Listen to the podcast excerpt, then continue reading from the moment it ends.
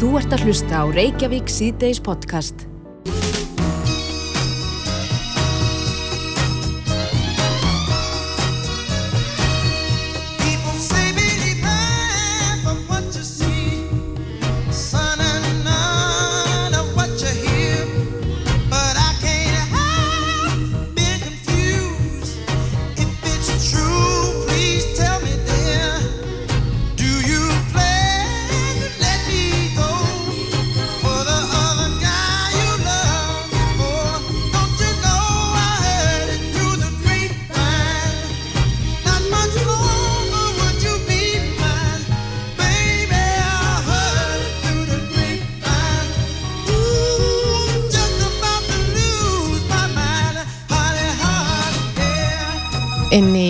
Í Facebook-hóp sem heitir Lose Me á Íslandi eru hvorki meira en minna en 12.500 meðlumir Já, og þetta er ansi áhugaveri hópur. Þarna er fólk að, að setja myndir af, af bitum og spyrja heldur að halda þetta sé Lose Me eða tilkynum að Lose Me sé komið hingað þangað. Og þetta er vargur sem við könnumst nú bara ekkert við fyrir örfáum árum síðan nei, en uh, lúsmíð er svo sannlega mætt og fengur staðfesta freknina því fyrir helgi. En það er spurninga mitt, hvað skaldi brast taka þegar búið að býta mann? Og það ég held einhvern veginn að uh, lúsmíði heldi sér svona nær vötnum og ám en þú varst á Akureyri í, í húsi þar sem voru lokaði væntanlega. Nei, nei, galopnu gluggar Nú, jæja. Ég vissi ekki að það væri lúsmi þarna Ég vissi ekki að það væri lúsmi Ég hugsaði, nei, nei, ég sef bara með opin glugga á 25. hiti og Já. Svolítið heitin í húsinu líka en svo vaknaði ég þarna um nóttina og fann svona kittlaði svona hér og hvar um líkamann Mhm. Og núna er ég að klóra mér allan liðlangan daginn og ég hef enga sjálfstjórn Nei, það var þá spurning, hvaða ráð er best? Hvernig er best að díla við þennan kláða? Og hann er á línni Mikael Valur Klásen, ónæmislegnir barna, góðan og blessaðan daginn Mikael. Góðan dag. Hvernig, getur við ekki hjálpað Þordís í sammenningu? Jú, og öðrum. Jú, þetta er náttúrulega, eh, þetta er vágestu sem eiginlega kom hérna í kringu 2015 fyrst.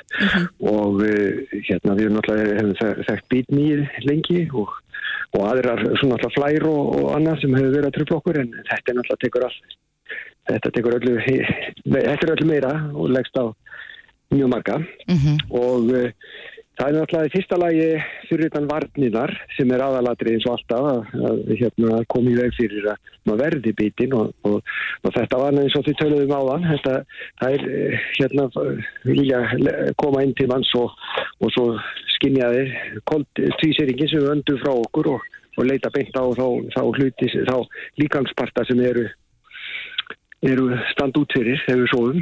Já, og uh, hérna það, þá verður viðbrögð í líkamannum þegar, þegar, þegar það byrja að, að sjúa blóð uh, úr okkur að þá, þá bregst ónæmiskerfið okkar við og gefur frá sér alls konar efni til þess að verjast þessu, þessu álægi sem að uh, hefur orðið þarna af, af lú, lúsmínu og þá fáum við bólgusvörun kröftuga.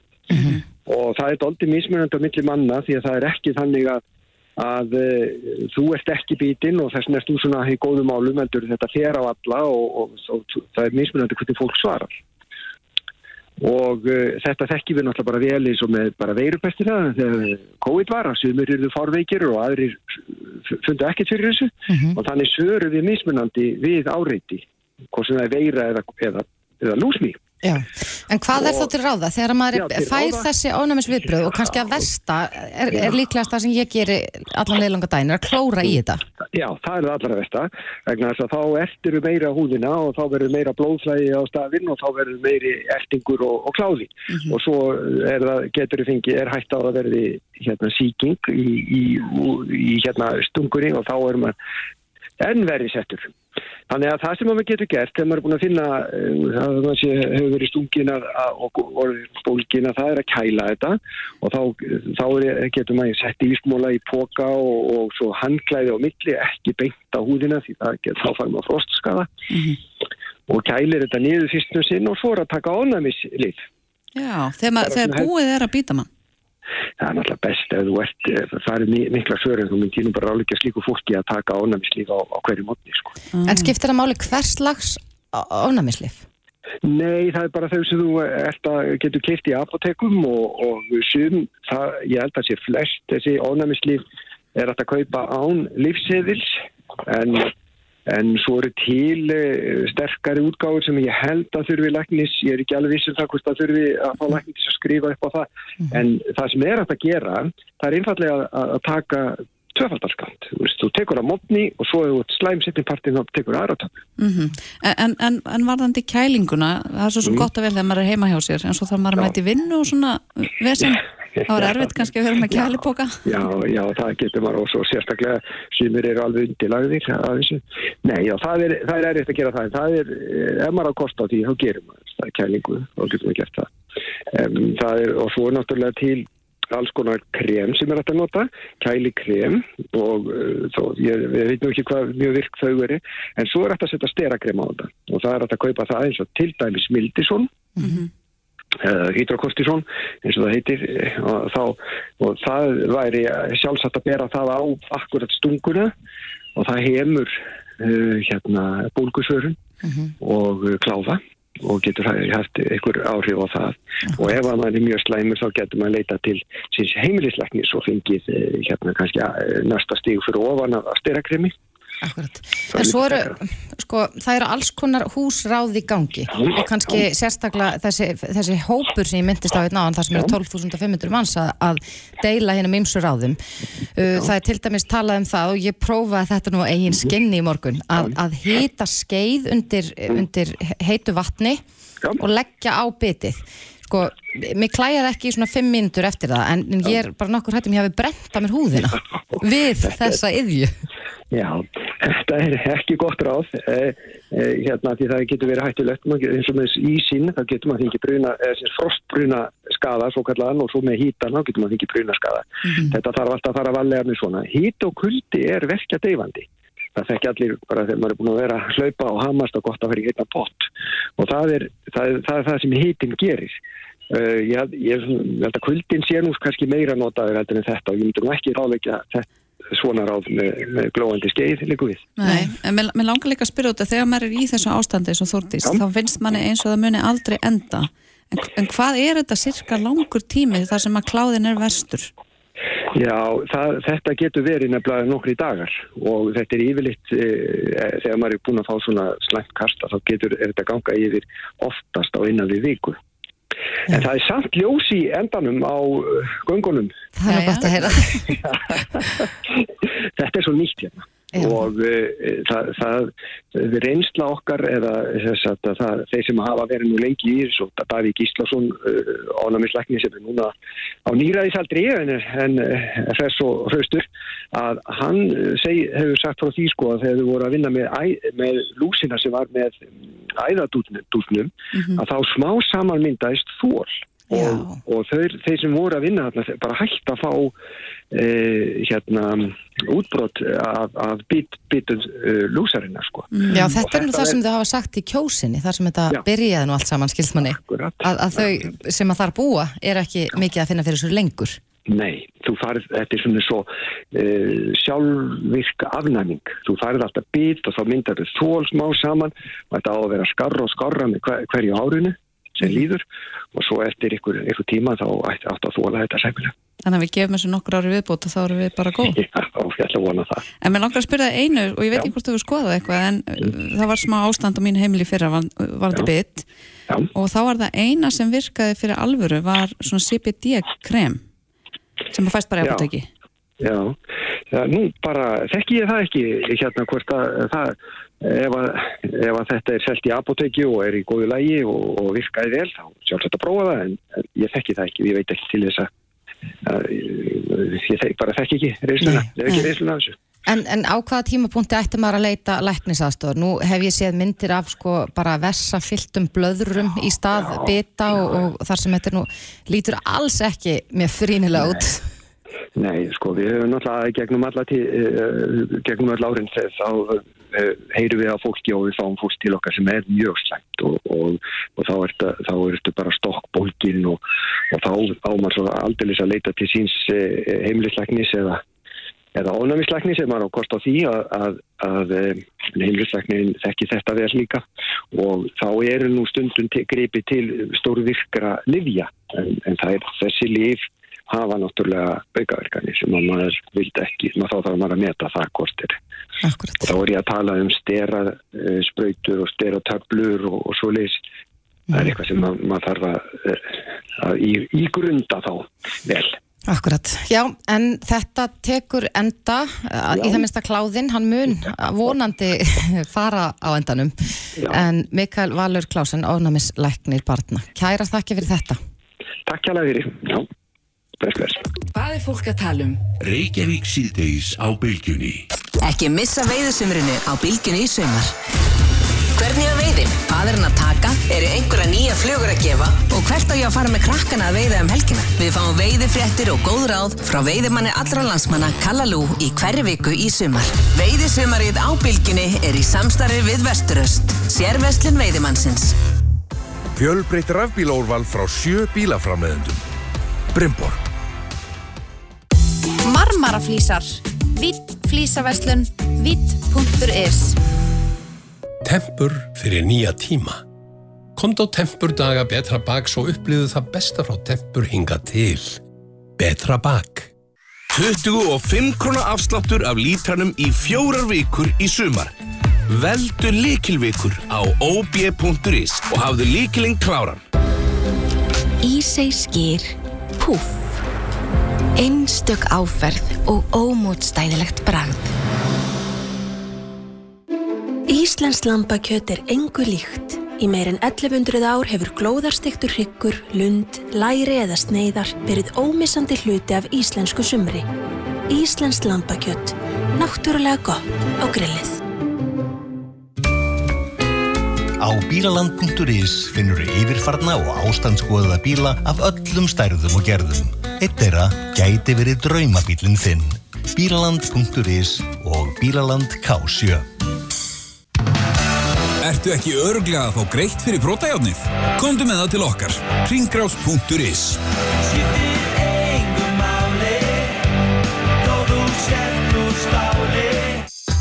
Allt fyrir heita potta. Normex.is Kjúklingabitar, kjúklingabitar. Sex eða tíu bita fjölskyldupakkar með frönskum sósu, salati og gósi. Kjúklingastæðurinn Suðuver. Þú ert að hlusta á Reykjavík síðdeis podcast. Já, þá er klukkan 24 minnir gengin í 5 og það eru stórtíðindi úr, frá alþingi þó að það sé nú komið í sumafrí. E, Í dag eru þau leikla skipti í dómsmála ráðunetinu þar sem Guðrún Hafstinsdóttir já, tók við þessu embætti frá eh, Jóni Gunnarsinni sem að hefur gengt þessu embætti hvað síðast einu hálf árið þessu? Já, rúmlega. Það var talað um það þegar við myndun þessar ríkistjórnar að það yrðu ráður að skipta átján mánuðum liðnum. Þetta voru svo- svolítið langir átján mánuður og, og, og svo sem búið að vera að tala um þetta já, síðan bara snemma á þessu ári hvenar þessi skipting myndi eiga sér stað. En um, já, það má lesa þá fréttum dagsins að- að eitt af svona þeim stóru málum sem hún Guðrún Hafstensdóttir tekur við eru útlendingamálin sem hafa auðvitað verið mikið til umröðu sér í lægi vegna frumvarps uh, Jóns Gunnarssonar um útlendingamál sem að samþykkt var á, á liðinu þingi Einmitt það. En uh, Guðrún Hafsteinsdóttir er á línunni góðan að blessaðan daginn. Góðan daginn. Og til mikið með embættið. Takk ykkur fyrir, kærlega. Og var þetta búið að vera löng byð fyrir þig? Átjamánir geta verið mjög lengi að líða, já. Þannig að uh, þetta var, þetta var löng byrð, myndi ég að segja. Já, og kannski rétt rúmlega 18 mánuðir það er nú kannski fyndið að tala um einhverja hérna, já svona einingu eins og mánuði sem einhvað tegjanlegt en, en þetta voru 18 mánuðir og rúmlega það Já, en, en, en vitaskuld hefur þú búin að býða í átjamánuði að þá skipta kannski 10 eða 12 eða 14 dagar ekki öllu máli. Nei. En þú hefur sagt í fréttum í dag að þú ætlir að leggja áherslu á útlendingamál og að kerfið sér komið að þólmörkum og, og það má já, heyra það sama frá Bjarnar Benditsinni, formanni flokksins. Eh, Verður lagður aukin þungi í þessi mál með það sem við höfum séð á, á tíð Jóns Gunnarssonar? Já, ég hérna gaf það út í viðtalið með morgunblæði í morgun að þetta er eitt af stóru málunum og ég held að við finnum það öll allir ístendingar að það stefnir í kannski ákveðu óefni og þetta verður sá málaflokkur sem að verður mjög ábyrrandi í allri umræðu næstu árin að ég ter að það er að koma hinga til hans gríðarlegur fjöldi fólks og hér er til dæmis húsnæðisekla í landinu þannig að það er erfitt orðið að finna uh, húsnæði fyrir fólk. Þetta er auk þess, uh, er þetta líklega að slá að annan 20 miljardar kostnaðurinn og ég hef sömulegis áhyggjur af því. Þannig að það þarf að, það þarf að bregðast við með einhverjum hætti, það er alveg ljóst. Þannig að herða reglurnar eða hvað? Já, við þurfum allavega að, uh, að skoða það að uh, við, við getum ekki tekið á móti svona miklum fjölda virðist vera eins og er að koma núna og, og við verðum að bregðast við því með einhverjum hætti að uh, fólk verður að eiga hér húsaskjól og það þarf líka að taka búa fólki mannsamöndi kjör Þannig að e, ég mun skoða þetta núna í hilsinni. Við þurfum að vita það náttúrulega hver eru þólmörkin okkar sem þjóðar. Mhm. Við erum smáríki og við erum ekki mörg sem hér búum og hingað er að koma núna stefnir í á þessu ári að jafnvel yfir 6.000 manns munu koma hingað til lands og sækja hér um vend og það er, uh, það er líklega tvöfatt meira heldur en er að koma til Danmerkur ef ég nefnir sem dæmi Akkurat. og, og það, eh, það lítur hver maður að sjá það að, að þetta, þetta er stútt fyrir litla þjóð. Já, E, áttu aðalega við þegar þetta hún nefnir hér, á þetta aðalega við um þá sem að sækjum alþjóðlega vernd hér á landi eða bara útlendingamálin í heilsinni vegna þess að þú myndist nú áðana á sko, húsnæðiseklu og það hefur verið bent á það við, við bara hreinlega eigum ekki til nóg marga til þess að byggja til dæmis þau hús sem vantar. Já og uh, það er auðvitað og ég hef bent á það sem formaður efnars og viðskiptanemndar að það er gríðarlega spenna í hagkerfinu, það er mikil þensla. Uh, það uh, sem betur fer að þá hefur ferðarþjómsdan, hún er að ná vopnin sínum eftir heimsfaraldur og það er vel og hinga hafa komið þúsundir til þess að starfa og hjálpa okkur til þess að koma þeirri atvinnugrein aftur í, í, í fullan, fulla starfsemi og við erum þakklátt fyrir það. En e, það fólk kemur hingað og, og kemur á eigin vegum og er ekki að koma hér í, inn í velferðarkerfin okkar. Þetta kemur hingað til að vinna og við þurfum á því fólki að halda svo sannarlega en, en, og, og það er munur á því hvort að þú komir hingað til þess að sækja vinnu og sjá fyrir þér að, að, að, með öllum hætti eða að fólk að koma hér og, og er hér á framfæri ríkisins í kannski mjög langan tíma vegna það líka máls með þar tími okkar er langur. Eins og Bjarni Benediktsson formað flokksins benti á í viðtali morgun að að það er ekki hægt að fólk sé að býða hér í, í, í marga, marga mánuði, kannski eitt til tvö ár eftir niðurstöðum um það hvort að fá að dvelja hér í landinu eða ekki. En þe- þetta hefur verið náttúrulega í umræðinni svo, í, í mörg ár en það virðist ekkert breytast. Við virðumst ekki geta að tala okkur niður á neina niðurstöðu. Nei og því miður að þá hefur ekki náðst sátt um það á alþingi Ísletinga og við sáum það í vetur að því þú nefndir það að forverið minn Jón Gunnarsson að hann kom í gegnum þingið e, breyting á lögum um útlendinga. Og það var í fymta sinn sem að, að dómsmálar á þar að leggu fram frumvarp í þá veru. Og það þurftist þess að fimm tilrunni til þess að koma því í gegnum þingið. Og það eru vitaskuld líka áhugjafni að við skulum ekki e, e, einhvern veginn geta sammælt um það hvernig við ætlum að haga þessum hlutum svo að sómi sig af. En, en hvað sér þið fyrir? Nú, nú ertu reyndar bara fyrsta degi í starfi, en hvað sér þið fyrir að hægt sé að gera til þess að, að já, eins og talar um að minka þau útgjöld sem fari í þennan málaflokk á sama tíma og við þurfum að taka mannúðlega á móti fólki og stytta byðina. Hver er töfra lausnin? Já, ég geri, ég geri vitaskuld greina mun á því að þegar við eigum að taka vel á móti fólki sem er að flýja hættu í sínu heimalandi, eh, hörmungar og stríð og annað og það eru við að gera afskaplega vel.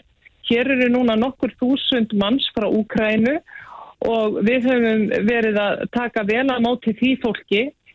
E, síðan er aftur á móti kannski ákveðin hópur sem hingað hefur verið að koma í mjög miklu mæli sem að er fólk sem er að koma frá Venezuela og, og það fólk er kannski frekar efnahagslegir flótamenn og, og uh, þannig að við, ég vil kannski uh, skerpa eins línuna á því á hvaða ástæðum fólk er að koma til landsins. Mhm. En vegna þess sem við rættum í ráðuna þa- þá var nú greint frá því um dagina að atvinnu þáttaka, þáttaka þeirra sem að hinga að koma frá Venezuela er, er meiri eldur en okkar Íslandinga Eh, er ekki eftir að, að já, fá þetta fólk til þess að liðsina okkur við því stóru verkefni sem framöndan eru? Jú, og þau eru að því og fyrir það eru við vitaskuld þakklátt, við erum þakklátt fyrir það, við, eins og ég sagði á þá eigum við að vera þakklátt fyrir það fólk sem að hinga vill koma og vill lifa og starfa í íslensku samfélagi. Því að það skiptir máli að fólk eigi framlag og, og uh, ég vil líka uh, minna á það að það, uh, ég er mjög ána með það að, að Jón Gunnarsson, hann kom til líka í gegnum þingi og gerði það í samvennu við áslögu Örnu Sigurbjörnsdóttir núna síðustu döða þingsins að það var að samtíkja frumvarp sem að liðkar fyrir atvinnum þáttöku fólk sem kemur utan EES-svæðisins og, og ég get bent að það eins og samtöku einaris að þau, þau kynntu það nú í vetur að okkur vantar hér líklega um 9000 sérfræðingar til þess að koma og starfa hér í skapandi greinum, að starfa hér í, í hugbúnaðarþróun og, og í, á hugverka svona e, sviðinu sem er vaksandi a- í íslensku efnaðskerfi og það er mjög gott og eins og til dæmis bara hátækni fyrirtæki eins og Alvotek, eh, Össur, Marel og fleiri. Þetta eru auðvitað fjölþjóli fyrirtæki sem að eru að taka starfsmenn allstaðar að og við þurfum auðvitað líka að haga okkar umhverju þannig að fólk geti og fyrirtæki geti sótt sérhæða þekkingu til annara landa og það sé líka einfalt og gott fyrir fólk að koma hingað og það vilja setja sig niður og það eru auðvitað margvíslega þætti sem þar skipta máli að við viljum til dæmis að, kannski einhver sem er mjög góður í, í livjafræði og býr kannski, segjum sér bara í Deli á Indlandi og, og hann vilji koma hingað og hann getur þá komið líka og komið með vakansinn og börnin sín og það sé hér umhverfi sem er aðlaðandi fyrir fólk. Og það er er þá... það sem að skiptir öllu máli í íslensku samfélagi að við höldum áfram að byggja hér og varveita stert velferðarkerfi og að fólk vilji búa og starfa á Íslandi og skapa hér varveiti. En, en það hefur ein- ein- einhvern tíman verið sagt sko að þetta sem þú ert að lýsa sé svona Ísland fyrir útvalin hóp, erstu saman því? Sko, Ísland er auðvitað bara góður staður til að búa og á að vera góður staður fyrir okkur öll.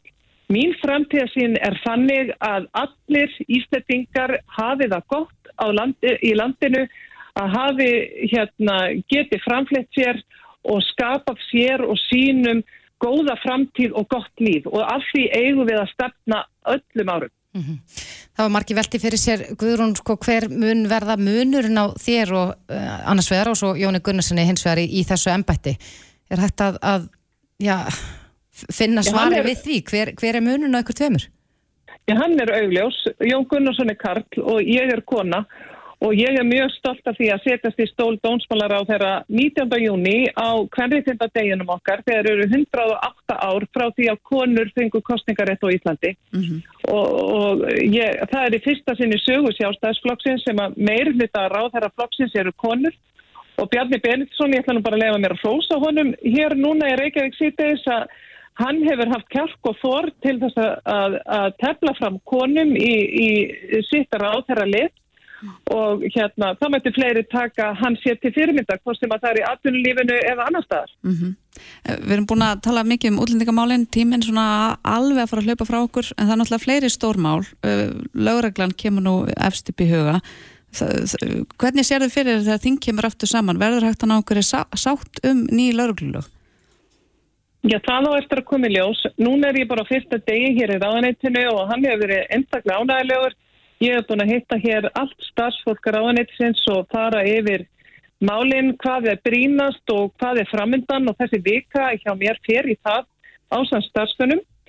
Nú, uh, við þurfum þetta að leggjast y- yfir það. Það voru vonbriði og, og það voru vonbriði fyrir okkur í þingflokki sjálfstæðisflokksins að uh, lauruglulögin skildu ekki komast í gegnum þingið og við teljum að, að það hefði verið mjög brýtt mál og nöðsilegt og þetta er mál sem snýra heimildum lauruglu til að beita sér með ákveðnari hætti að, að lauruglan hefði sambarileg sambarilegan aðgang að gögnum eins og lauruglan í löndunum í kringum okkur og geti þar að leiðandi einnig verið í góðu og gjöfulu samstarfi við önnu ríki og að upplýsingar geti flotið á milli lauruglu yfir landamærin. Það, þetta er eins og Jón Gunnarsson hefur nefnt, þetta varðar þjóðaröryggi, þetta varðar það að hér sé hægt að fylgjast með netglæpum, netárásum, skipulari, brotastasimi og svo framvegis. Og ég bind vonir við það að, að við munum geta lagt uh, frumvarpið fram aftur en ég mun, eiga, uh, ég mun nota svimar í að skoða það vel og gömgefilega. Þann- Þannig að gæti hugsanlega að tekja einhverjum breytingum. Það er hugsalegt, já. Já, einmitt það. Uh, Við segjum bara góða skemmtun á þínum fyrsta vindegi áfram. Já, og óskum þetta öllum, öllum íslenskum konum til hamming með daginn. Mhm. Er það ekki? Jú. Guðrún Hafstinsdóttir, dómsmálur á þeirra. Kæra þakki fyrir þetta. Takk ykkur fyrir kjalla. Þetta er Reykjavík C-Days podcast. Já, þá er klukkan nýmyndur gengin í sex og við ætlum að ræða um brak og bresti. Já, og kannski stóðkerfið. Mhm. er, það, er það merkjum um hækkandi aldur að, að ég er svona farin að huga meira að, að stóðkerfinu? Er gott ef ekki. Aðeins svona að fara að verka aðeins í mjöðmina og kannski pínu njánum og svona hitt og þetta og bakið þetta alltaf eitthvað til trafala. Þetta er, þetta er neisa. En uh, ég hef oft orðið þess vör að fólk er svona að braka í sér svona kannski eitthvað að grípa í hnúana og, og hérna þrista saman fingurum svo heyrist braki í hnúanum. Já, svolítið svona í tíma og ótíma. Já, og Já. ég hef lengi öfunda fólk sem getur bara svona gripið um höfuð á sjálfu sér og svona brakað. ég, ég hef aldrei þórað því. Já, mér finnst þetta nett óþólandi hegðun sko. Er það? Eh, Já, fyrir svona svolítið í já. En við erum komið með sérfræðing hingað inn sem ætlar að fræða okkur um það hvort að þetta sé yfir höfuð gott fyrir líkamann að vera að svona braka í sér sjálfur. Einmitt, uh, Guðmundur Birkir Pálmarsson, Gummi Kíró, hann er sestur hjá okkur, velkomin. Takk hella. Já, þetta er stóra spurningin. Uh, mér var sagt í barnæsku að þetta væri bara alls ekkert gott. Já, og það er svo sannlega satt. Í rauninni, og þetta er samt ekki svart og hvítt, en í raun og veru að þá, sko, það þarf að losa liði sem eru mjög stífir eða bólgnir og búa til vandamál. En oftast þegar fólk er að braka í sér sjálft þá er það að losa liði sem að reyfast hvort sem er. En læsingar uh, búa til ákveðin þristing í, í stóðkerfunu, þannig að við hugsaum okkur kannski þrjáhriki liði, það sem að tveir reyfast mjög vel, en þessi miðunni, hann er bara nánast fastur. Þá kemur bólga í hann og þá kemur ákveðin þristingu sem að leiðir þá út í hina tvo sem reyfast nokkuð vel, en þar, ef við förum mjög djúft, djúft í það, þá eru diskar og svo, svo eru svo kallar fasitu liðir í hrygnum sem að klæða hana aftan. Og þá fer ákveðin spenna í þessa fasitu liðir, svona pínulítið liðir. Og þá getur maður stundum losa þessa spennu sjálfur en þú losar aldrei læsinguna sem býr til spennuna, skiljið mig. Mm. Þetta er Þannig- skamgóður vermur. Þetta er skamgóð vermir og í raun og veru sko því oftar og því lengur sem að þetta ástand þá varir það að þú setja braka svona sjálfur í hrygnum og, og losa þetta sjálfur hvað sem puttar hana að þá býrður bara til meira ójabægi millir þess sem hryggjarlegu reyfist ekki og allt og vel. Og þá kemur ójabægi í hryggin og þá verður ennþá meira vandamál. Að því hryggurinn vill vera í jafnvægi og vill hafa alla liði nokkuð reymalega þannig að það sé ekki ómikið ójabægi Já, en þetta á við um, um fleiri líkamsparta. Ég bara eh, get alveg bara djóka með það að þetta er maður eins eldast og, og ég er farin að taka ítreka eftir því að þegar ég beigi mig niður og þá brakar inn hjánum á mér. Og, og eh, er, er þetta loft? Já. Er, þú veist, hvað er að gerast er þegar það brakar? Það smellur. Já, já, og þá eru, eru mjadmyndnar orðna svo stífar og það sem það gerir er að þá myndast kerkja í þeirri reyfingu Lilja, Lilja hvað er þess að hlæja þetta, ok? og hérna og það, að sjálfsög byrja það ekki bara þegar maður fer að eldast, það byrja oftast bara þegar maður er ungur og ég menna stelpur eins og við erum að tala um þig, ég menna stelpur á, á, á kannski 12, 13, 14 ára aldrei byrja að fá svona vandamál þar sem að kannski þar eru annarkvort mjög mikið í íþróttum eða reyfis ekki nóg mikið og þá byrjar að vanda, mynda svona skekkjur og stífleikar.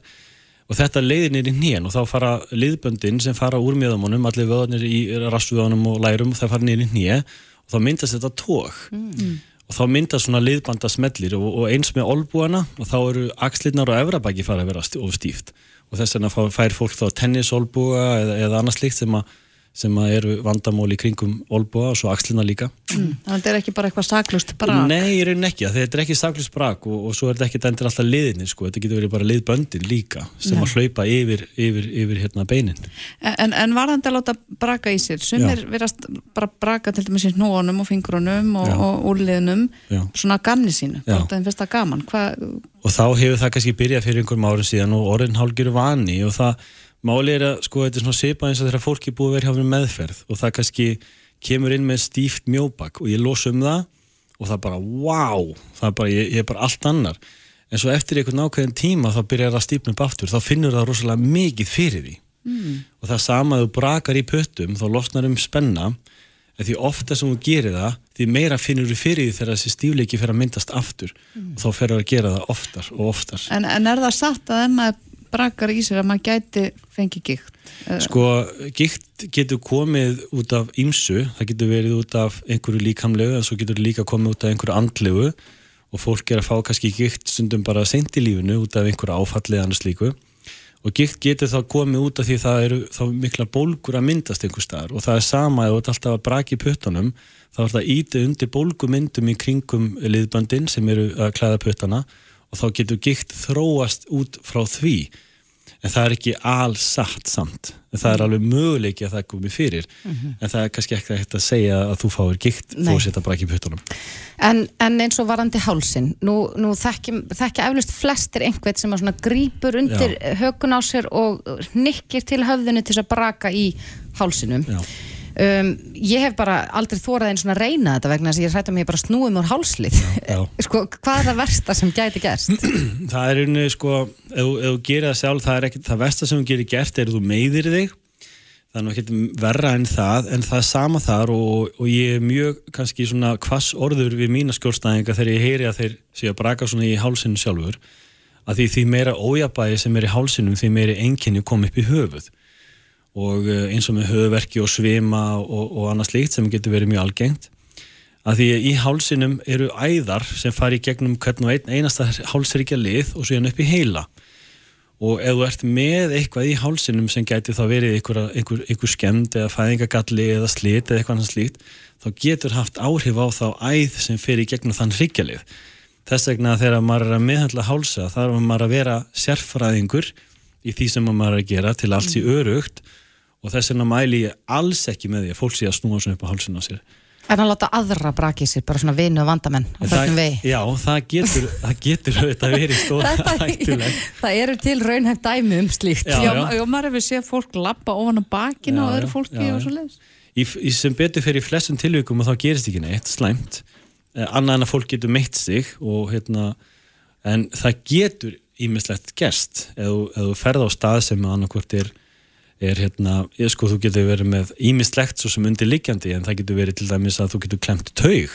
Já, eitthvað sem svo kannski líka kemur ekkert í ljós alveg nákvæmlega á þessum ekki endilega tímapunkti. strax, nei, nei, það getur komið setna en, en það, er, það er alveg hægt að klemma taugar á, á, á, á mjög slæman hátt og það getur verið erfitt að ná fólk úr því ástandi ef, ef að slíkt gerist. Mhm. þannig að maður þarf að fara mjög valega En, en, en er fólk svona almennt að koma allt og seint til þín eins og bara oftast Já. þegar er eitthvað aðið líka Já, ég veist, og allt og seint er rosalega vítt hugtak en, en ég segi það að þú kemur aldrei og seint af því það er alltaf hægt að gera eitthvað en auðvitað vil ég oftast fá fólk fyrir af því aðlatrið er það að sé ekki að fara að myndast slit og skemmtir Mhm. af því þú, þú, það er ekkert afturkvæmt en, en þú getur samt alveg unnið með það vandamál en, en, en, en svona almennt Já. hvað amar helst að fólki til dæmis sem leita til þín Sko, það náttúrulega hefur breyst frá því að vera kannski mjóbaksvandamál yfir það að núna er það meira kannski efrabak og háls og það er bara út frá því bara hvernig við erum að beita okkur í dag, held ég.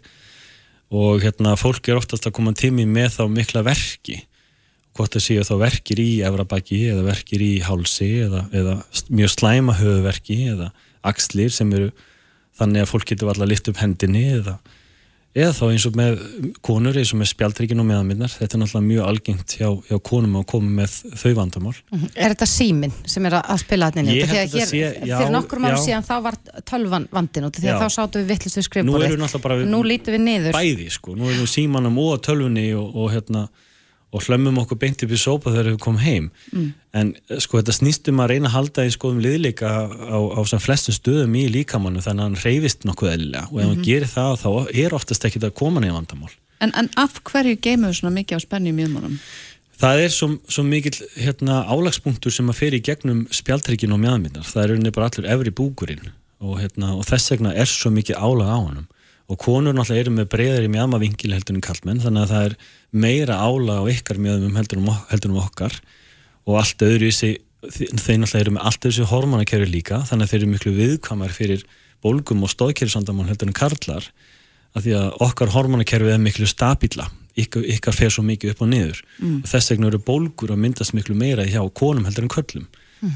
En það eru, en það eru líka skjólstæðinga mínir ábyggilega 70% konur. En spila barnegnir uh, þátt stóran part, já, mjög stóran part og sérstaklega með mjöðmyndar eins og þú segir að það geta myndast skekkjur og, hérna, og, og, og reyfiskerðingar og annað slíkt í kringum þetta. Mhm. Við konur ættum kannski að fá einhvers konar námskið eftir barnegnir um Já. að við halda góður ég- mér, mér finnst sko í rauninni að konur eftir barneignir að sko mættu bara fá það sem, sem, bara partur af prógrama að kíkja í skoðun allavega. Að láta skoða sig og láta tjekka á sér. Og það er svo margar konur sem eru ófrískar sem eru hjá mér í meðferð og gengur sjúklega vel sem eru með grindaglinu og annað slíkt. Og, og þær eru þá nánast verkja lausar í gegnum meðgönguna. Og hérna og svo komar alltaf eftir á og segja alltaf mig hvenna má ég koma þegar ég er búinn? Að því þar vil ég láta tjekka á sig sem fyrst. Og það er bara misjaft og láta bara skoða þessi reglulega til að halda sér eins góður og hægt er. Mhm. En ætti maður ekki líka að, að huga að eh, já, tegjum öðru slíku, þeir sem hafa farið í jóka þekkja hérna, það er alls konar hryggvindur og annað slíkt. Erum við nógu duglega við þetta? Nei, allir það nokkuð, ég finna, eins og segi, þetta snýst allt um ákveðin liðleika. Og, og því, því eldri sem við erum, því, því meira missu við þannig liðleika og þess vegna verðum við oft að verða með aldrinum en þetta snýst mest um það, einmitt þess að þú segir að, reyna að halda liðleika á sem flestum stöðum í líkamannum og hryggurinn er náttúrulega grunnurinn svo allt virki nokkuð eðlilega. Mhm. og við gleymum honum stundum. Við erum ofta að hugsa um jæðmir og axlir og svona og nýja en hryggurinn er grunnurinn og þegar við missum hreyfi getur þar þá hefur það áhrif á útlímina Já. og, hérna, og við erum í raun og veru ekki að hreyfa okkur nægilega vel sko hvað hrygginn var þar.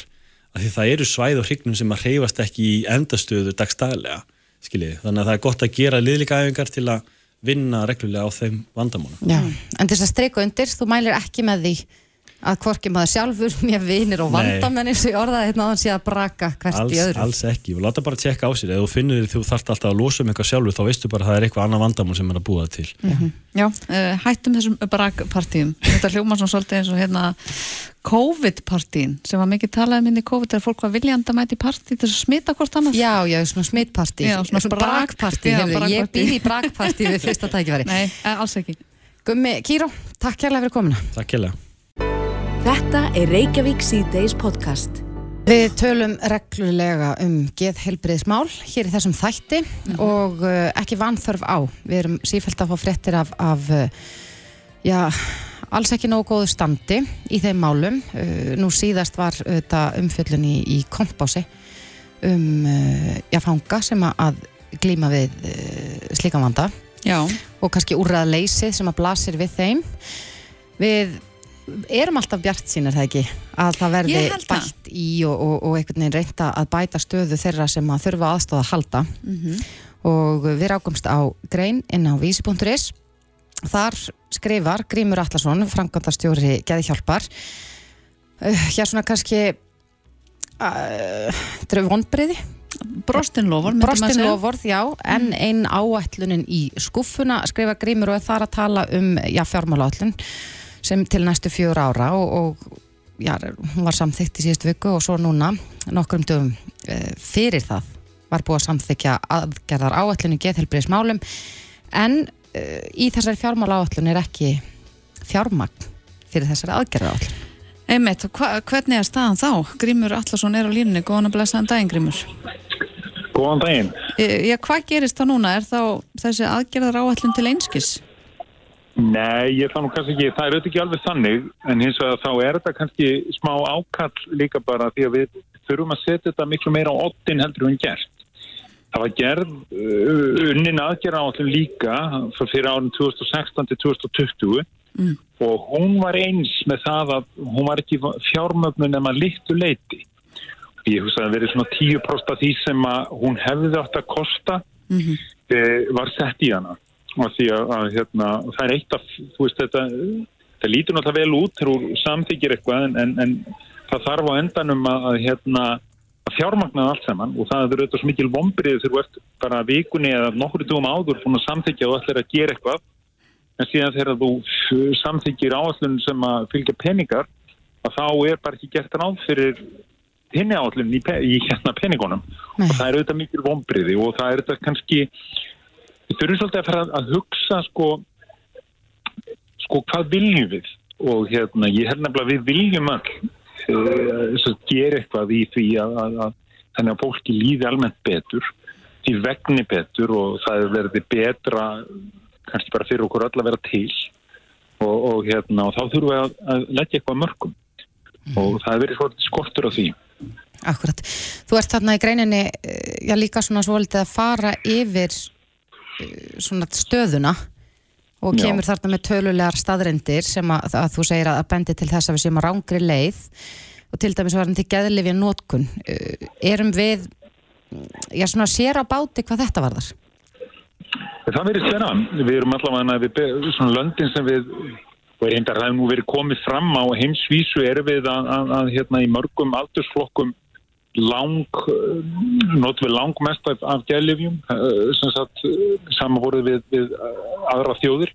En Norðurlendir, við tökum bara Norðurlendin út og þá, þá sést þetta svart á hvítu að við erum að, að og svona börnin, þegar við tökum það því það byrjar það nú allt í börnunum með börnunum að, að, að það er engin ástæða fyrir því að við skulum vera 2400% herri í, í þunglindis livjanótkun í aldurshópnum e, 0-14 ára með að við normenn til dæmis. Mhm. og, og, og það kann að vera að normenn nót ekki nógu mikið að livjum og ætla ég ekki að segja það en, en 2400% herra og, og 1740% herri en, en danir. Það er þetta það er eitthvað svolítið skrítið við þetta að mínu mati og ég og við ekki að hjálp höfum verið að benda á það að, að setja meiri fókus á það hvernig, hvernig getum við unni með orsakir. Þá er ég ekki að tala um orsakir endilega þess að einhver sé á fullvannis aldrei að greinast með einhvers konar gerðanar áskorun ekki endilega, en bara orsakir eru svo margar. Það er, hvers, vegna, hvers vegna er fík hvers vegna er fátækt, hvers vegna er örorka? Hvers vegna er atvinnuleysi?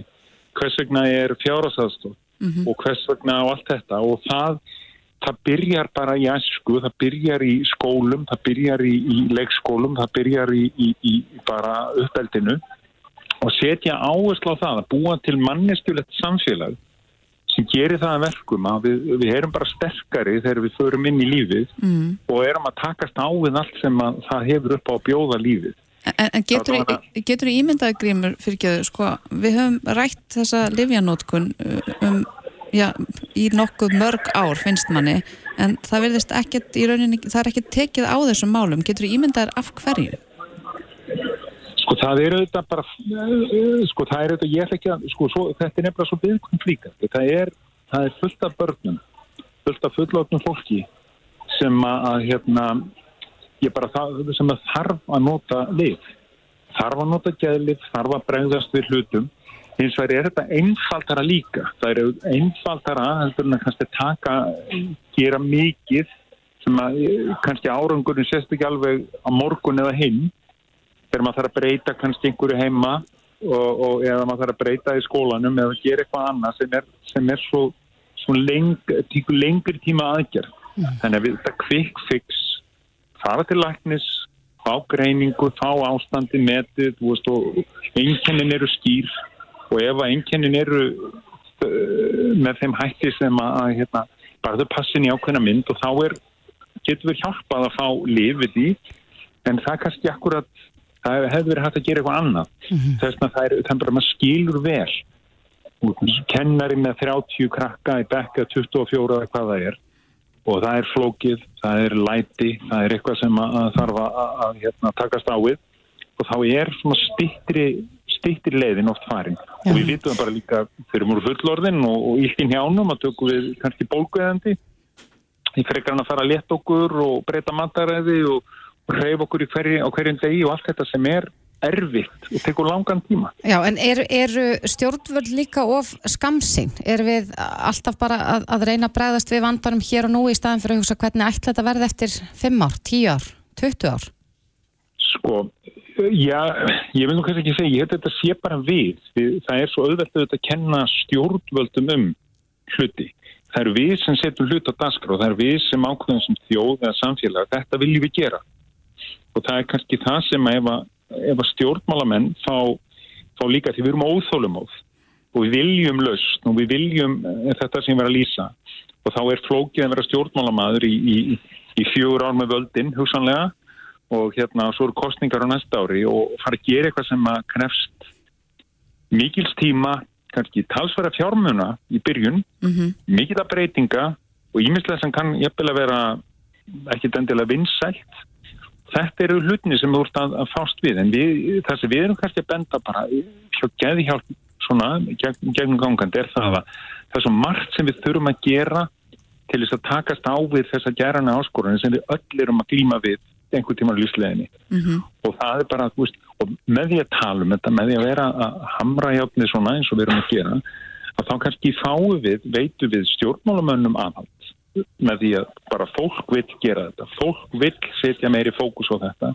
Fólk segir við erum til í að- snúa hérna, bara eins og við gert því svo margt, við sjóslis, bílslis fleira döðsvöldi bílslisum döðsvöldi sjóslisum annað það krafðist mikill að þetta var ekki eitthvað sem við beittum á einum degi. Og gerðar alls konar aðgerði sem gera verkum að okkur gengur betur þar. Mhm. Og ég vil sjá, við viljum sjá þetta gera svolítið í, í, í geðheilbreyðinu Þannig að okkur gangi betur Þannig að þeir eru reyna að byggja um aðstóð bara almenningsreinlega til þess að setja þessa pressu. Já, og það er sem það kannski byrta svona tölur. Þetta eru sláandi tölur. Það er 2400 prósent.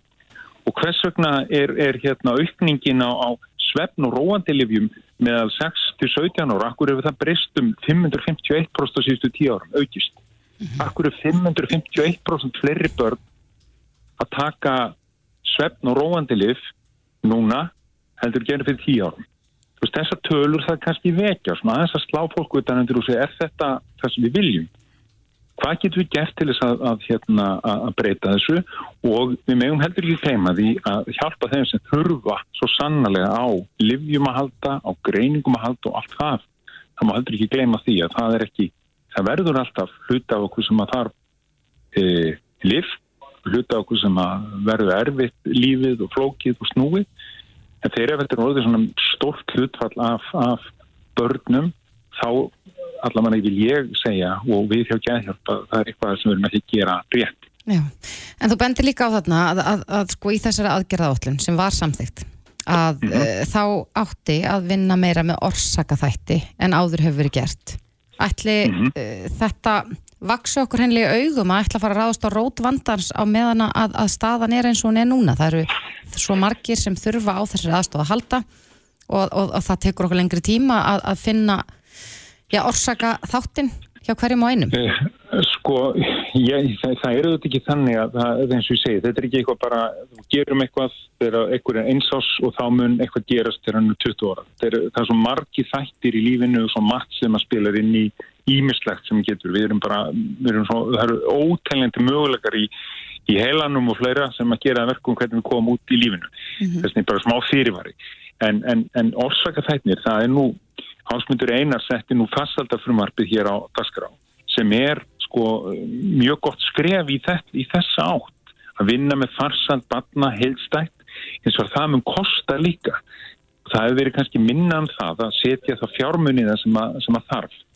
E, orsakaþætnir eru settir þarna og það var inn í þessa aðgerðállin, geðhelbisállin og geðhelbisállin er mikið að hugsa um þessa orsakaþætti áföllin og allt þetta sem að er að koma núna. Við erum fann átt okkur á afleðingum áfalla hvað fíkn og allt þetta sem að gera setna og þessi óhamingja og allt þetta sem fylgir áfallan þess að er þetta sett í aðgerðállina og ég, ég held að svo sem vaksa ekkit í augum, ég held bara að það sé ekki alveg það þurfi bara fleiri að fá kannski áhuga á þessu og þetta er nú oft henni að fjármála þeir sem að stýra fjármálaráðunitin og stýra peningunum að þeir, þú veist, þeirra viðurkenning, þetta hefur verið svona kannski þetta þetta er þessi mjúku mál sem er ekkit mjúkendilega, þau þurfa bara að vera sett á dasgrá, fá að vera á dasgrá og fá, fá aðtiklina sem þau hérna sem, sem þau eiga skili. Svo er þetta ekki bara peningar líka. Ég vil taka það fram þó að hérna, það sé þegar maður tala um hérna aðgerðan, það er líka bara að, að við þurfum öll að huga að þessu og, og einhvern veginn og svona þjóðar sátt um það. Mm Því að þetta mun taka tíma. Og núna erum við, við erum búin að fyrir alveg svakalegu breytingum og það eru áföll og það eru stríð og fleira sem er dunið á okkur, COVID og, og svo núna þetta stríð og verðbólka og allt þetta fylgir. Að það hefur svo mikil áhrif á okkur og hafði mikil áhrif á börnin sem voru til dæmis fór ekki í skóla og, og, fór í skóla og úr skóla og það var alltaf að tala um okkur pest sem að var hættuleg og svona Einmitt. þetta eru hlutir sem að við erum lengi að vinna úr og þess vegna enn mikið var að setja þetta á sko algjörlega oddin núna Mhm. Já, einmitt það. Uh, Grímur Allarsson, Frankundastjóri Geðhjálpar. Við vonum bara það besta og þakkum við fyrir spjalliða sinni. Takk hérlega. Bless, bless. Reykjavík síðdeis á Bilginni podcast.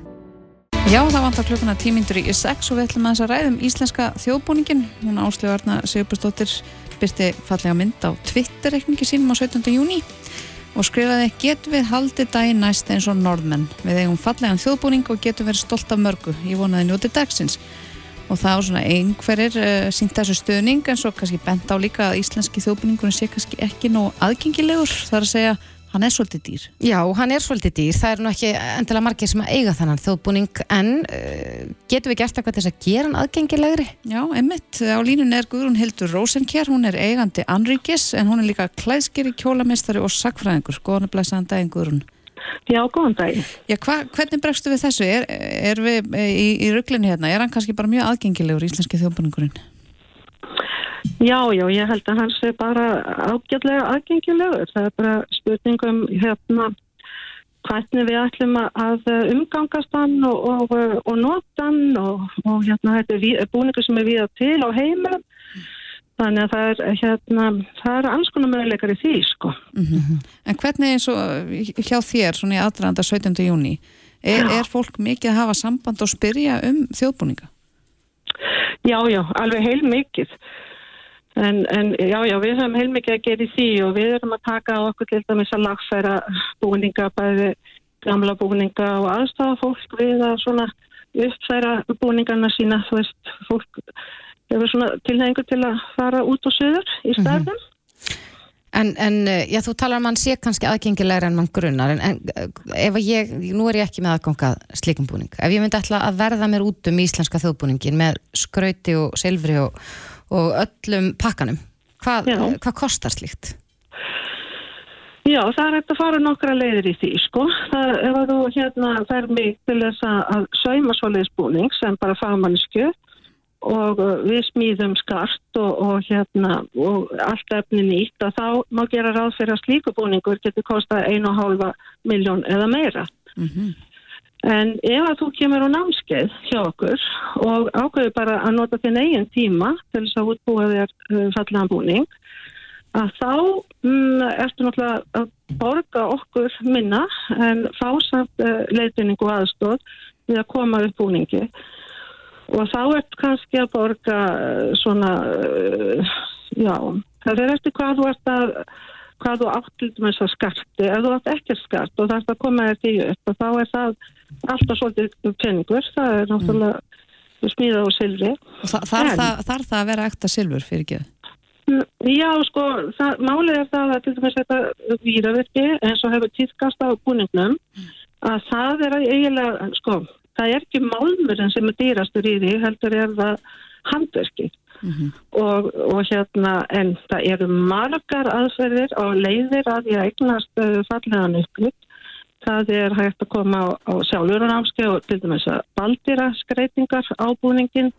Það er líka hægt að fara á námski og, og gera sjálfur uh, skartið uh, sem mar margir og okkar nefndum hafa gert. Þannig að maður, get, maður þarf ekki að fara í dýrust útgánum, það eru einhverjir, möguleikar þarna úti. Já, það er ímsi möguleikar og hérna, en við erum auðvitað ekki með fjöld, fjöldaframleita búninga sem eru fjöldaframleita í Kína og kosta þá lítið en því að hérna, það hefur verið reynd Það var reynt fyrir svona 20 árum að fjölda framlega búninga minni með á Tælandi. Og það var sko hangla þetta sem er með búningarna það er einhvern veginn hjartað okkar er í búningunum og það er ekki svo gott að, að senda þá eitthvað til uh, annað þar sem ekki er þessi uh, þekking á þessu gamla öllu og þeir búningar sem voru framleitir í það meir sem meira síðan, það getur bara verið 30 ár síðan að ég held ég fara alveg rétt mála að þeir seldust ekki hér En heldur að það, og það núna viljum við þetta halda þessari hefð á loftu og þetta er svona okkar menning. Væri Já. það betri kostur að við værum með einhverja svona hérna já, léttari útgáfu af þjóðbúningnum til þess að- eh, já, til dæmis geta klætt börn upp á 17. júni eða eitthvað slikt og við veitum þannig að börnuna ansi fljóta að vaksa upp úr fötunum sínum. Já, já, já, það, við, það eru saumaði barnabúningar hér til dæmis sem að, hérna, eru bara í mjög, te, mjög tegjalegir og enda bara í mörg ár og það er alveg dæmi um að, að búningar eru notaðir sko frá bara tveggja ára upp undir tíu. Það fyrir alltaf eftir börnum líka hversu hrættu stekka en við erum að reyna að sauma þessa barnabúningar þannig að sé hægt að stekka á og þannig að sé hægt að nota það fyrir lengri tíma. En, en hvernig finnst þér þessi umræða að við eigum að vera líkar í norðunum á 17. júni? Já, ég sko, þetta er svona skrítin viðmið hjá okkur Íslandingum sko. Því að við eigum þarna sagt, mjög gamla og ríka hefð í búningum og þjóðbúningur er umlega bara það sem kom síðast í þessari búningasögu því að við höfum þetta borið búninga frá landnámi. Og, en í dag erum við ekki að bera svona búninga vegna sem við erum klætt svo alþjóðlega. En ef við viljum halda í heiðri því sem við köllum þjóð, þjóðbúninga og varum verðilega bara fundið upp, þetta er hugdag sem er fundið upp á 19. öll, að þá þurfum við kannski líka bara að horfa inn á við. Og mér þætti bara óskaplega vægt um það að, að við hættum að bera okkur saman með normann, þeir eiga dásamlega hérna hefð og með vera stoltur af því.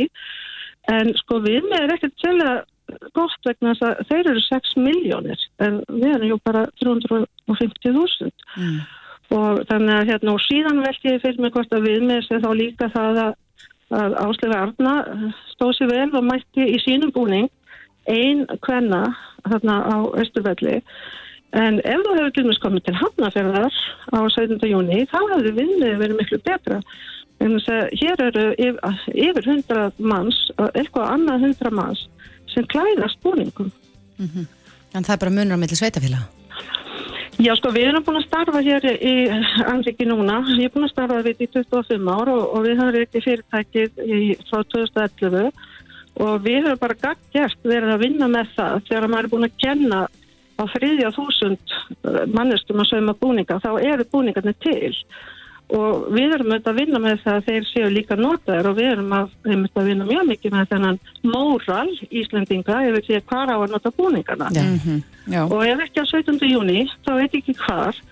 Og hérna þannig að við höfum bara verið að við svona bara setjum í gleði bankan og, og hérna höldum bara fallega þjóðhátti með búningum og það skemmtilega er að það, hér hérna þrýfast að er góð hérna samvera við vikinga sem að, út á viðstátúni sem að hérna eru líka svona búningafólk og, og eru að endur gera búninga frá náttúrulega fyrir öldum sko, miklu, miklu fyrr Já, já. Við, við, við verðum því meira að setja punktin hér, Guðrún Hildur Já, Rósinkjær, já. eigandi Anrikis, takk kærlega fyrir spjallið. Takk fyrir. Hlustaðu hvena sem er á Reykjavík C-Days podcast. Já, þá er klukkan farin að ganga sjö og við erum komin vel inn í júni.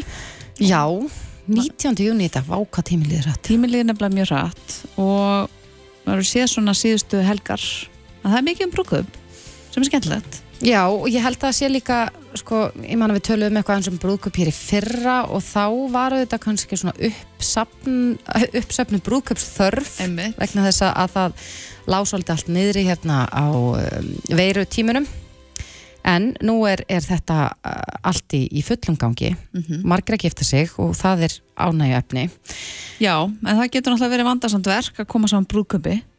Já, ég, sko, ég er, ég er ógift, ógift kona og ég fæ alveg bara svona, hérna, ég verði eiginlega bara kvíðið mig til og svona maður skipulegja brúðkaup. Þannig að þú myndir vilja setja í hendurnar á einhverjum öðrum. Já, það væri þægilegast. Skemmtileg tilvílun og það hér situr að Lína Viljánsdóttir, hún er brúðkaup skipulangjandi, velkomin. Já, takk aðeinslega fyrir hafa mig. og eigandi fyrirtækisins og smáatriðin sem eh, snýst um þessa brúðkaup skipulagningu. Algjörlega. Sko, þetta er samt sko alveg, ég get ímyndað mér sem margir í spórunum meðan Þórdísar fallast hendur, þetta er mikið verk og það þráðurinn getur verið aðeins í stuttur þegar maður er undir miklu álægi af hverju óskupunum vilt þú vinna við það að skipulagja brúðkaup fyrir aðra? Það er náttúrulega bara fyrst og fremst mjög gefandi persónulega. Ég held maður þurfi líka bara að vera svona ákveðin persónuleiki eins og hérna, ég hef heyrt marga tala um svona, maður getur tekið svona persónuleika próf og séð svona hvað þarfir maður með sko og ég held að ég falla alveg inn í það, þú veist, mér er skaman að bara gera eitthvað aðeinslegt fyrir fólk og fá þessar þakkir og vera svolítið svona ofurhetjan á deginum af því að það er um svo oft sem að fólk kemur eftir og er bara, oh my god, ég hefði aldrei geta gert þetta án þín eða þú veist bara, bara gerði daginn okkar eða fekk eitt geggarhús sem að bara eitthvað gestur voru að spyrja byrju voru ekki með brúkusplanara og, hann var bara eitthvað, jú, hún er bara svona svo Batman. Þú veist, hún er bara, hún er þarna en þú serð hann ekki sem er náttúrulega algjörlega markmið á deginum sko, en það er svo bara eins og ég gefandi parturinn í þessu þótt þrátt fyrir alla vinnuna sem að fer í þetta sem Já. er náttúrulega ótrúlega mikil vinna. En sömum finnst þetta líka bara alveg rosalega leiðinlegt að Já. þurfa, sko, ég hef ekki hundsvit á kökum eða borðbúnaði eða bara neinu ok, ég hef kannski á einhverju bara í lífinu, einhver sem við kemur brúðköpum í það minnsta, Nei, þannig að ný kemur þú með sérfræði þekkingu bara. Já, þetta er náttúrulega bara nýr, nýr þú veist, bara heilin í grein sem að maður er rauninni ekkert að pæla í fyrir en maður þarf að gera það, svolítið svona eins og þegar maður er að fara eitthvað spött, maður pælar ekkert í þessu fyrir en bara, núna er þetta að fara að gerast og núna þarf ég bara að leggja stundir og fara að gera svakar rannsóknarvinnu og tjekka á verðum og er bara, og það er oft erfitt líka, finnst mér allan á Íslandi, að komast undir þessar, hérna, þessar upplýsingar að það eru bara svona ávíðs við og dreif og það getur verið bara mikil vinna bara fá þær sko. En svo þegar maður opnar grifjuna þá er eiginlega erfitt að snúa tilbaka og það möguleikarnir eru endalausir og það er líka bara mjög erfitt að velja og hafna og manni finnst einhvern veginn að maður þurfa að gera allt Já, og svo náttúrulega bara margir sem þú segir bara líka með bara valkvíðan og, og eiga er, ekstra erfitt með þetta val einmitt því það er kannski tíu valkostur á kökum og tíu valkostur á borðbúnaði og sölum og þú veist þetta er rosa mikið og það getur verið rosalega kvíðavaldandi fyrir suma og, og ég hef alveg heyrt að sögum fólki sem hefur bara þurft að leggja sig inn eftir brúkurskipulagi því að hefa bara, þú veist, fekk bara náttúrulega taugafall á því að vera að sinna þessu öllu sko. Já, en síðan eru auðvitað alls konar tísku ströymar. Nú, uh, ég held að það sé alveg hægt að fullir það að það er aðeins í tísku núna til þess að gifta sig í útlöndum. Já, það er mjög skemmtileg, mér finnst það skemmtileg tíska, það er alveg rosa gaman. Ég held að fólk haldi ofta að sé eitthvað mikið ódýrara, auðvitað getur maður alltaf fengið, þú veist kannski, maður kannski getur ekki fengið hérna fallega hérna villu hérna á Íslandi, það er náttúrulega ekki möguleiki, en hérna þannig að maður getur kannski fengið meira fyrir minna og náttúrulega á, eins og við vitum öll að áfengi er dýrt hérna, þannig að það er kannski svona stóri parturinn og kostnæðurinn, en það getur verið gaman sem segja, breyta til, fara til Ítalíu til dæmis stór, hérna stórt land sem að margir eru að fara til og gifta sig á. En það, það munar ekki það miklu verði eða hvað? Nei, ég er svona aðeins verið að skoða þú veist, jú, það munur alveg eitthvað, en eins og ég segi, þú veist, og þú get, ég held að þú getur bara fengið meira fyrir, þú veist, kannski sama pening, þú veist, þú getur kannski fengið meira blómum og meira um eitt úrval náttúrulega líka, þú veist, heldur en er hér. Það er það sem ég upplöði sjálf þegar ég gifti mig 2019, er að það eru svo lítið úrval, þú veist, ef ég vil til dæmis bláa diska, þá er það eiginlega ekkert hægt, nema ég færi bara að kaupa mér 200 sett af bláum diskum, þú veist sem er eitthvað sem er kannski meira möguleiki í Ítalíu, það er miklu fleiri planarar og meira fólki og meira úrval. En, en, en hvað með svona tísku ströma aðra í sumar? Sem ég hef séð hérna, það er alltaf alltaf klassík og verður örgulega lengi er náttúrulega bara þessi sveitabrúkup og ég held að það sé bara því það er svo mikið í blóðin okkar íslendinga að vera hérna í lópapeisunum og, og hérna vilja svolítið kannski innlega það inn í brúkupstægin um, og kannski meira þetta casual vibe. En ég hef séð rosa mikið líka núna bara að fólk vil kannski meira minimalisma og svona meira elegance þú veist að fólk er að fara meira í bara svona kannski allt hvítt eða kremað og að það vilja svona breyta til og náttúrulega auðvitað er ég með minn svona ákveðna kúnahóp sem ég reynir líka alltaf bara svolítið að segja að þú veist gerðu þetta bara þínu, þú veist ekki vera endilega að fylgja alltaf þessum tísku ströymum að, gera eins og allir hinnir, þú veist að fara í eins og bóhó eða mitt sveita að vera kannski bara fylgja þínu eigin hjarta, þú veist ef að þú ert ekki væminn típa það þarf ekki alltaf að vera fullt af lit blómum og eitthvað svona ef að það er ekki þitt Mm hva- hvað er það flippaðasta sem að þú hefur verið beðin um að gera í svona skipulagningu? Flippaðast það, ég er enda svona aðeins farin að taka að mér líka svona erlendakúna og ég þurfti um daginn að setja upp bara eitthvað svaka borð með mat úti og það var hellið demba og ég var bara eitthvað ok, þá verður maturinn bara blöytur og eitthvað. Þannig að hérna, það var alveg svolítið æventýri að, að þurfa að gera það en ég held bara að fólki finnst líka bara jafnvel, þú veist þótt að mér finnst það ekkert flippað að, hérna, að líka bara vera með súper liturkitt brúðkaup og vera bara með fullt af liturkum blóm út um allt og hérna og, og litla, þú veist, við vorum með hérna svona borða í loftinu og það var sett blóm í loftið og allt svona, þú veist, ég held að mörgum myndi finnst það bara eitthvað að vera eitthvað klikkastlega öðru ég segi, en mér fannst það bara að koma rúslega vel út og skemmtilegt, sko. Mhm. en, en sko, ég get ímynda mér að fólk sem er mjög sterkar skoðanir, ég vil hafa brúkustæði minn nákvæmlega svona það býður svolítið upp á alls konar drama í kringu þennan og kannski vonbriði ef það hefnast ekki nákvæmlega eins og er búin að hugsa um í mörg mm -hmm. Já, já, það getur alveg en það er svona líka eins og sé þetta starf er ekstra stressandi með að við bara að skipa ekki venjulega viðburð. Að því eins og segir þessi svona einstöku þættir þar sem að líka oft kemur inn í þetta er fjölskyldamann sem er að hafa rosa mikil áhrif á menn eða vinir. Það er held ég svona aðal drama þessi myndastötti kringum brúkstæga að foreldrar fara að vera koma með sína skoðanir eða vinir sem bara hafa byrjað ekki að gera þetta? Skiluru og, og það getur verið rosa erfitt fyrir brúðhjón en þess vegna líka mynd svo gott að hafa brúkusplanar með sér sem getur kannski ekki að dreyja mann svolítið á jörðun og sagt bara, þú veist, heyrðu, þetta er þinn dagur, þú veist, þú þarft ekki að gera þetta og þarft ekki að þóknast þessu fólki og ég skal lofa þér að eftir, þú veist, fimm ár þá myndu vera ánæður með að hafa staðið með sjálfuður heldur en að vera að fylgja, þú veist, þessu fólki sem er endilega að setja fullt af drama inn í daginn og svo náttúrulega bara gegja góða samskipti ég reyna alltaf bara að segja fólk bara segðu mér allt sem þú ert að hugsa þannig við getum láta að vera veruleika Mhm. sem getur verið erfiðar að þú kannski komið sískinni eða vini sem eru líka færðar að reyna að stýra svolítið með sínum skoðanum og þá um þetta gerist það kannski oftar að, Mhm. að dagurinn er ekki alveg eins og ímyndaðar að því að ykkur var bara nei þetta er kjánulegt, ég ætla að þetta En, en er fólk með óraunhjóra væntingar? Sko, ég bara, mér dettur þetta í hugvegna þess að ég horfði á eitt þátt af Modern Family um daginn sem mér, finnst nú skemmtilegir þættir og þá voru þeir Cam og Mitch að fara að gifta sig og, og, og Cam var komið svona fram úr sjálfum sér og ætla að vera með einhverjar þúsund hvítar dúfur sem fljúa úr einhverju reyðri og, og þú veist, allt svona já, svona yktar pælingar, svona ykt smáatrið, má segja. Mhm. er, er, er þannig algengt hér að fólk sé með Sko, já, já, en ég held samt að, þú veist, ekki kannski alveg dúfurnar, sko, en ég held að það sé líka bara, þú veist, ef þú átt náttúrulega bara eins og, þú veist, kannski í þessum þáttum, þú veist, ef þú átt náttúrulega bara eitthvað tíu miljónir til þess að eyða í brúðköpi, þá náttúrulega bara er allt alveg hægt, skilur, það er alveg hægt að gera það, en hérna, en ég held að fólk sé oft alveg, það gerist kannski oftar að fólk er með svolítið háarvæntingar, ég mitt gerir sér ekki grein fyrir hvað hluti kosta og síðan rey- segi ég alltaf við brúðinu mín, þú veist, ég bara læti fá bara verðið, eins og þú, ef að þú segir ég vil dúfur, þá setjum það bara í verðskrána skilur, hvað kostar að fá dúfur, ég finn út úr því og hérna, og þá er fólk ó, er þetta svona rosal dýrt, nei veist, Mm. Þá vill að fara að skera niður. Fórnar þá dúfunum. Já, þá fórnar það dúfunum. Ekki, ekki þannig, en þú veist, þá fórnar sleppur þið frekar en, en hérna, þannig að það er kannski svolítið þannig, en, en það er svona heitir líka fyrirtækjum mitt og smátina, því ég elska mitt að pæla í þessum litlu atriðum eins og bara, veist, að það sé allt tipptopp og það sé allt bara flott og þetta sé dagurum þinn og að maður sé að pæla í þessum litlu hlutum líka. Sko, það er þarna 10 miljónir ég, sko, ég ímynda mér það en hvað þá að, að ráða mannesku sko, til þess að sjá um það fyrir mig mm -hmm. Hver, hvað kostar það?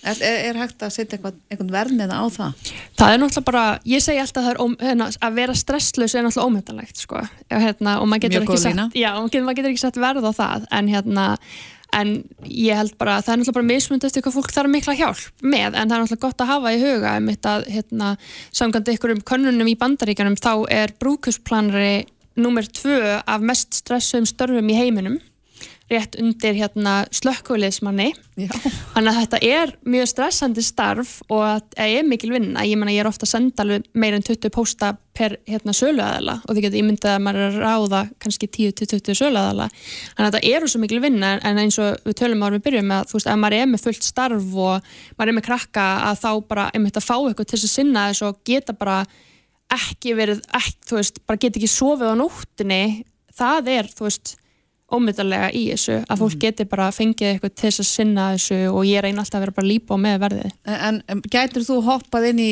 brennandi hús þar að segja? Að það er verið að skipilega eitthvað brúkaup og það er bara allt farið í skrúna?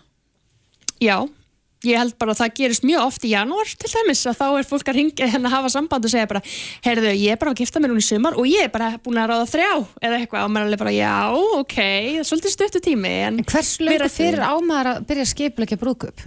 Sko ef þú ætlar að gera það sjálf þá myndi ég segja alveg bara meir en einu og hálfu ári fyrir bara þannig að hafi pottið nóg mikið tíma en minnstakostu 12 mánuðin fyrir brúkustæðin að því að bara það að panta brúðarkjól, hann verður sérpantar það getur tekið alveg 6 mánuði að panta hann og, og ef að, þú veist fólk er ofta um í janúar að reyna að ráða eitthvað fyrir júli og þá er bara fullt af fólki uppbókað sko þannig að það er bara, þá janúar er orðið á seint sko ef þú ætlar að gifta þig á sumri til á sama ár sko Þetta kemur óvart. Já, þetta er nýr heimur. Þetta er nýr heimur. Ég hef reyndar gift mér sko, en, en ég held ég að það hafa verið góður þrýr mánuð. Við tölum, við tölum aðeins um, um hérna svona tískuströyma en hvað með tískuströyma í, í sko bara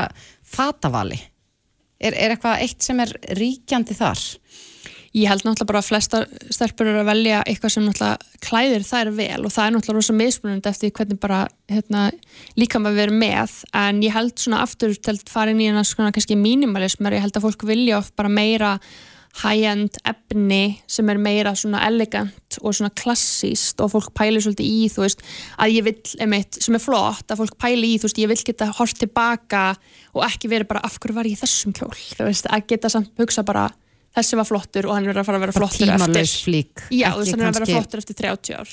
Ég, ég er, er svona með í huganum einhverja hérna eh, brúðarkjóla á áttunda áratugnum puff, með svona og- mjög mikil Já. púffermar og mjög mikil púffkjóll það er kannski ekki endilega Nei, ég meina það eru alveg típur sem að þú veist, ég hef alveg verið með brúður sem elskaði glimmer og bleikt og hún var bara í svo- svaka puffi kjól með fullt af glimmeri og hann var super síður, hann var glæsilegur en þú veist, það var mjög mikið hennar personleiki þú veist, en það er alls ekkit allir þar og mér veist margir, eins og sé, farin að hallast meira af bara ykkur meira klassísku sem að Mm. er bara að fara að vera alltaf flott sko. En kjarnin er sérst að gera þetta eftir sínu eigin höfði og hafa kannski bara gaman á brúkustæðin. Já, algjörlega, ég er náttúrulega mæla alltaf með og ég hérna, trúi 100% á mína þjónustu að það er svo æðislegt að ráða eitthvað því að ég upplega það sjálfa að það er hundleiðilegt að, hérna, að þurfa að vera í einhverjum brúðkaupsplununar gýr á brúðkaupstæðin sinn. Að þurfa Já. að vera allt í hún að pæla ó ég glemdi vínunu eða ó ég glemdi að segja þessum þetta eða ó er pottið búið að kveikja á kertunum eða og við, þurfa að vera gestgafi í sínu einn brúðkaupi, það finnst mér vera bara að versta sem maður getur lent í að þurfa að vera enn, ennþá að pæli þessu en pínu tipsi að því að man, ég skal bara segja ykkur það maður getur ekki verið tipsi ef maður er, þarf að vera að pæla endalust í öllum hinum skilur við Akkurat. Já. Já, þetta hefur vonandi verið gaglegt fyrir þá sem er að íhuga að gifta sig eftir tvö ár. Það ekki? er ekki svona sirka þannig? Alína Viljánsdóttir, brúðkaup, skipuleggjandi og eigandi og smáatriðin. Takk kærlega fyrir komina. Takk allir fyrir mig Reykjavík síðdeis á Bylgjunni podcast